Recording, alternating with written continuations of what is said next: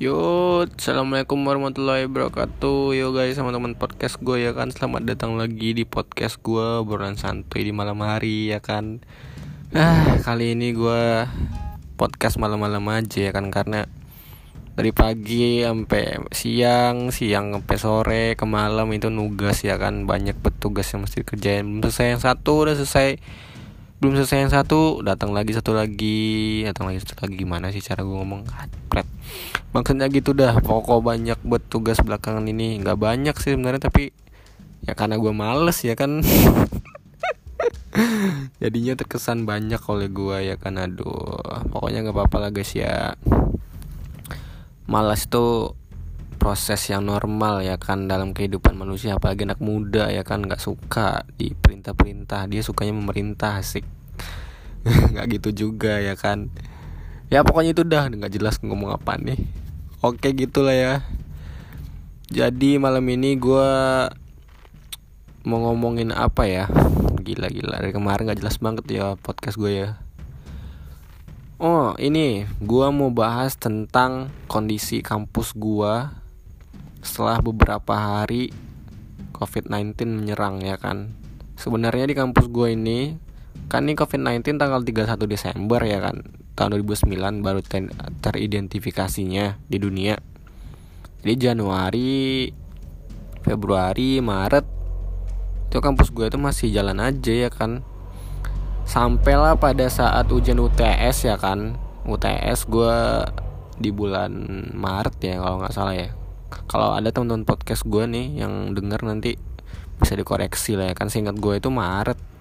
Maret gue UTS gitu. Itu corona mah sedang-sedang ini ya kan di dunia di C di Cina katanya. Apa udah amburadul buat udah pindah ke negara ini negara itu. Kebetulan waktu itu Indo masih aman-aman aja ya kan. Gue mikir waktu itu cuman juga ini virus nggak bakal nyampe ke Indo ya kan. Seenggaknya paling jauh-jauh Malaysia dah ya. Pokoknya nggak sampai kasih Tenggara gitu. Tapi sekarang kondisinya udah nyampe deket rumah gua anjing aduh ya pokoknya gitu dah jadi sekarang kondisi kampus gua itu oke okay, ska Oke, jadi ini gue cuman jelasin berdasarkan pengetahuan gue ya kan. Jadi kalau seandainya teman-teman yang lain tahu, udah boleh deh komen. Jadi terakhir kali gue ke kampus itu tanggal 24 Maret nah oke okay, berarti bener ya gue ujian terakhir apa gue terakhir kali ujian itu di bulan Maret bulan Maret bulan Maret ya kan berarti bulan Maret gue ujian UTS di kampus gue terus apa setelah ujian UTS ya kan itu mulai tuh dikasih tahu sama pihak kampus. Kalau udah ada lah surat edaran-edaran kalau social distancing. Ya masih awal-awalnya masih social distancing ya kan sampai sekarang udah physical distancing. Yang social distancing itu jaga jarak doang. Sekarang kita jaga jaga jarak doang. Itu maksudnya kita masih masih bisa keluar dalam jumlah yang gak banyak tapi masih bo masih boleh keluar gitu. Tapi mesti jaga jarak itu minimal satu meter ya kan? Sampai sekarang udah physical distancing nggak boleh lagi ada orang deket-deket gitu. Saking udah udah apa ya udah bahasa Malaysia itu teteruk gitu ya kan udah saking parahnya di di di tempat gua. Oke jadi gitu lanjut di kampus gue itu kemarin sekitar sekitar tanggal 26 seminggu yang lewat itu gue ke kampus ya kan ngerjain tugas. Biasanya kan gue ke kampus itu ke jurusan maksudnya itu gue kelabor ya kan karena di sana ada fasilitas ya bisa lah nyantai-nyantai di situ kan gratis. Tapi semenjak tapi di tanggal 24 itu semua udah pada tutup. Kantin tutup bisi no bisi itu tempat makannya mahasiswa. Kayak kantin lah tapi ini gede banyak yang jualan di sana. Itu udah kosong. Terus portal-portal udah beberapa di fakultas waktu itu ada farmasi. Farmasi kalau nggak salah ya farmasi yang gue inget bet itu uh, pada saat apa yang mau ke PKM pusat kegiatan mahasiswa itu juga ditutup. Bisanya cuman lewat hmm, dekat rumah sakit itu yang di bundaran itu baru cuman bisa itu doang. Jadi ke fakultas gue masih bisa waktu itu waktu masih bisa. Tapi suasananya udah sepi sepi bet ya kan? Gue nggak nggak bayangin juga sih bakalan sampai kayak gitu ya kan? Oh ya waktu itu kondisinya mbak masih belum separah sekarang ya kan? Waktu itu di Sumbar belum ada di infoin ada positif yang di Bukit Tinggi pertama ya kan terus di Padang setelahnya juga nyusul ikut ada ikut ada yang positif. Sampai sekarang udah tujuh orang aja ya di, di Sumbar yang positif. Yang mudah-mudahan nggak nggak nggak nambah lah ya kan amin. Gue gila gue sekarang podcast dalam keadaan cemas gitu ya gak sih kelihatan di suara gue ya gitulah guys kita cuma bisa bertawakal. Lu lu lu lu, lu stay at home di rumah aja dan gue juga stay at home di rumah aja. Oke lanjut. Waktu itu gue ngerjain tugas ya kan di di fakultas. Itu labor udah tutup. Gue kesel banget sih waktu itu rencana mau upload video kan ke YouTube tapi nggak bisa kan. Karena warung bapak yang megang kunci labor gue itu nggak ada jadi gue mau minta ke siapa ya kan. Ya udah gue cuma ngerjain tugas kirim online jadinya. Mesti pakai hotspot handphone gue pakai kuota gue gak jadi pakai wifi. Oke setelah itu udah kelar semuanya ya kan udah sel udah selesai ngirim tugas itu. Abis itu gue cabut ya kan cabut pulang. Bayangin aja dari rumah gue kampus tuh satu jaman boy. Satu jaman cuy. Cuman buat tugas doang nggak jadi kelabur harapannya gue kelabur gitu sampai sore baru balik ya kan. Jadi waktu gua satu jam ke kampus tuh terbayarkan lah ya kan dengan satu jam apa sampai sore di labor nikmatin wifi download atau ngapain lah akses internet. Tapi nggak bisa mesti balik ya kan gara-gara corona kampret. Udah habis itu gue balik nyampe rumah. Setelah itu langsung tuh dicecar sama tugas-tugas online tugas online. Langsung datang surat edaran kalau kuliah online lebih banyak di rumah. Semenjak itu gue nggak ada lagi ke kampus. Cuman ngeliat berita-berita yang nongol-nongol di akun BEM di akun-akun sosial media tentang kampus gue doang. Jadi yang terbaru itu adalah apa emang nggak boleh lagi ada keramaian di kampus. Terus segala kegiatan-kegiatan yang apa yang menimbulkan keramaian itu nggak boleh lagi. Sampai sekarang tanggal sampailah sekarang tanggal 29 Maret baru mongol surat edaran kalau masing-masing fakultas itu dekannya ngasih tahu ke jurusan ya kan? Kan apa prosedurnya dari dek dari WR apa WR3 itu universitas turun ke dekan dekan ke WD dek, WD wakil dekan 3 sampai ke jurusan. Kebetulan di fakultas gue ada 6 jurusan. Dan jurusan gue ini barusan tadi di grup melalui himpunan mahasiswanya udah ngasih tahu kalau untuk mahasiswa yang mahasiswa rantau gitu kan ini kasihan juga gue juga apa uh, mau nyampein semangat lah.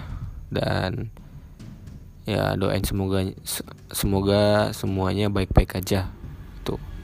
Jadi si surat edarannya itu adalah eh enggak enggak, ini ini enggak surat edaran. Ini pemberitahuan dari ketua himpunan mahasiswanya. Untuk mahasiswa di Padang itu segera menginformasikan alamatnya di mana gitu gitu kan. Alamatnya di mana namanya siapa pokoknya kayak pendataan nama-nama gitu. Itu disampaikan akan diberikan bantuan logistik kayak semacam beras terus juga akan diprotokoler oleh pihak yang akan diprotokoler atau dipandu oleh pihak universitas eh enggak yang akan dibantu oleh pihak pihak fakultas gimana cara proses pemulang mereka ke kampung halamannya gitu. Terus juga bakalan dikasih ya kayak gue bilang tadi kayak bantuan logistik beras dan segala macam. Ya gue apresiasi sih hal ini ya kan? Karena gue bayangin aja gitu kalau seandainya gue di posisi mereka misalkan gue nih gue gue uh, rumahnya di Jawa atau di luar Sumatera Barat deh pokoknya pokoknya jauh dari dari keluarga ya kan. Dengan kondisi seperti ini gue merasakan banget lah meskipun belum pernah di posisi mereka tapi setidaknya bisa merasakan apa yang mereka rasakan gitu. Dalam kondisi kayak gini penyakit gak tahu ini kapan bakalan berakhir.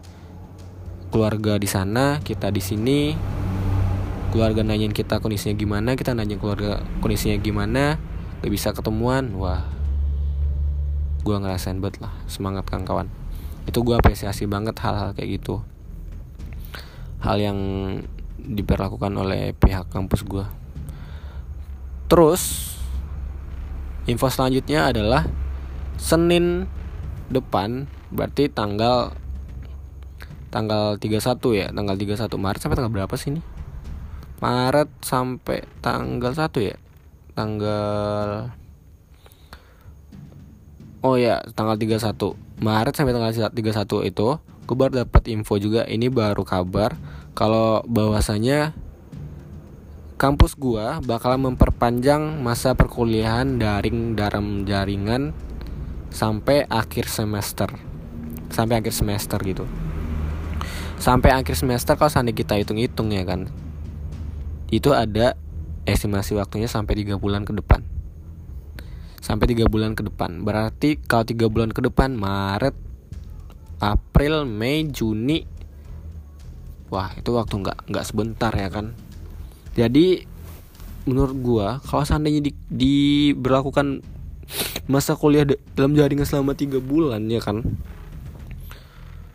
Widih itu gua mikirnya gini loh kok mereka bisa mikir kok bisa bikin peraturan gitu sampai akhir bulan. Apa mereka udah tahu nih virus bakalan apa bakalan lama gitu sampai tiga bulan ke depan? Gila. Tiga bulan ke depan itu lama cuy. Gila men. Tiga bulan lama gitu. Terus gimana kondisi? Gue jadi jadi apa ya? Gue bukan bermaksud mem, apa membuat panik di sini tapi gue cuma merasakan ketakutan aja gitu. Tiga bulan. Wala Cina aja yang nggak sampai tiga bulan kasusnya apa orang yang meninggal udah sebanyak itu ya kan? Gimana ini gitu sampai sampai ke situ gue mikirnya. Ya pokoknya terlalu banyak asumsi di otak gue sekarang dengan dengan dengan peraturan-peraturan yang udah udah muncul di kampus gue negara ini dan di masing-masing peraturan daerah. Ya gue cuman bisa berdoa dan percaya ke stakeholder atau pemangku kepentingan untuk memberikan peraturan yang baik insya Allah ke depan. Itu aja sih gue harap. Terus ada juga yang pro akan peraturan ini ada juga yang kontra. Yang pro nya itu adalah ada sebagian mahasiswa yang bilang kalau ini bagus gitu karena ini dapat apa dapat mengontrol mahasiswa yang masih berkeinginan untuk ke kampus. Berkat surat edaran ini mahasiswa jadi di rumah aja dan itu juga bisa mengantisipasi keramaian. Terus yang kontra yang kontra kabarnya ini kan mahasiswa ada yang sedang ini sedang sempro seminar proposal ada yang seminar hasil juga. Terus mereka juga mempertanyakan gitu dan ada juga dan ada juga nih yang sedang minjam buku. Tapi karena kuliah diliburkan apa surat edaran seperti itu masih bingung gitu. Contoh nih orang minjam buku tapi sekarang tapi sekarang udah di kampungnya gitu. Tapi dan, tapi sekarang udah di kampungnya. Dan dia nggak bisa nanya ke pihak perpustakaan apakah apa masa peminjaman ini tetap jalan gitu dengan situasi sekarang. Takutnya kalau seandainya masih jalan nih orang masih di kampung itu itu apa peminjaman posisi jalan berarti denda juga jalan dong. Ya taruh aja kalau seandainya dendanya jalan sebulan itu seribu seribu atau dua dua ribu ya seribu sehari sebulan tiga puluh ribu. Kayak itu semakin bakalan masih banyak ya kan? Jadi komunikasinya masih, masih belum lancar kayak mahasiswa yang nanyain kayak fasilitas fasilitas kampus masih buka atau enggak itu gitu gue harapin adalah uh, tindak penyelesaian dari hal tersebut.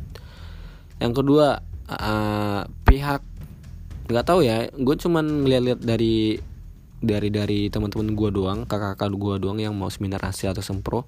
Tapi kemarin sempro ada juga sih. Ya pokoknya seminar hasil ini gimana gitu tindak lanjutannya yang ke seminar seminar hasil ini gimana gitu. Apakah dia seminar hasil melalui online doang kayak yang udah diberlakukan di beberapa universitas? Kasian juga kan mereka kalau seandainya dibiarin aja gitu ya jadi takutnya jadi molor gitu. Ya hal kayak itu juga perlu ditindaklanjuti. Ah itu aja dulu informasi yang gue tahu terkait uh, apa-apa aja yang terjadi di kampus gue sekarang surat edaran apa yang udah keluar.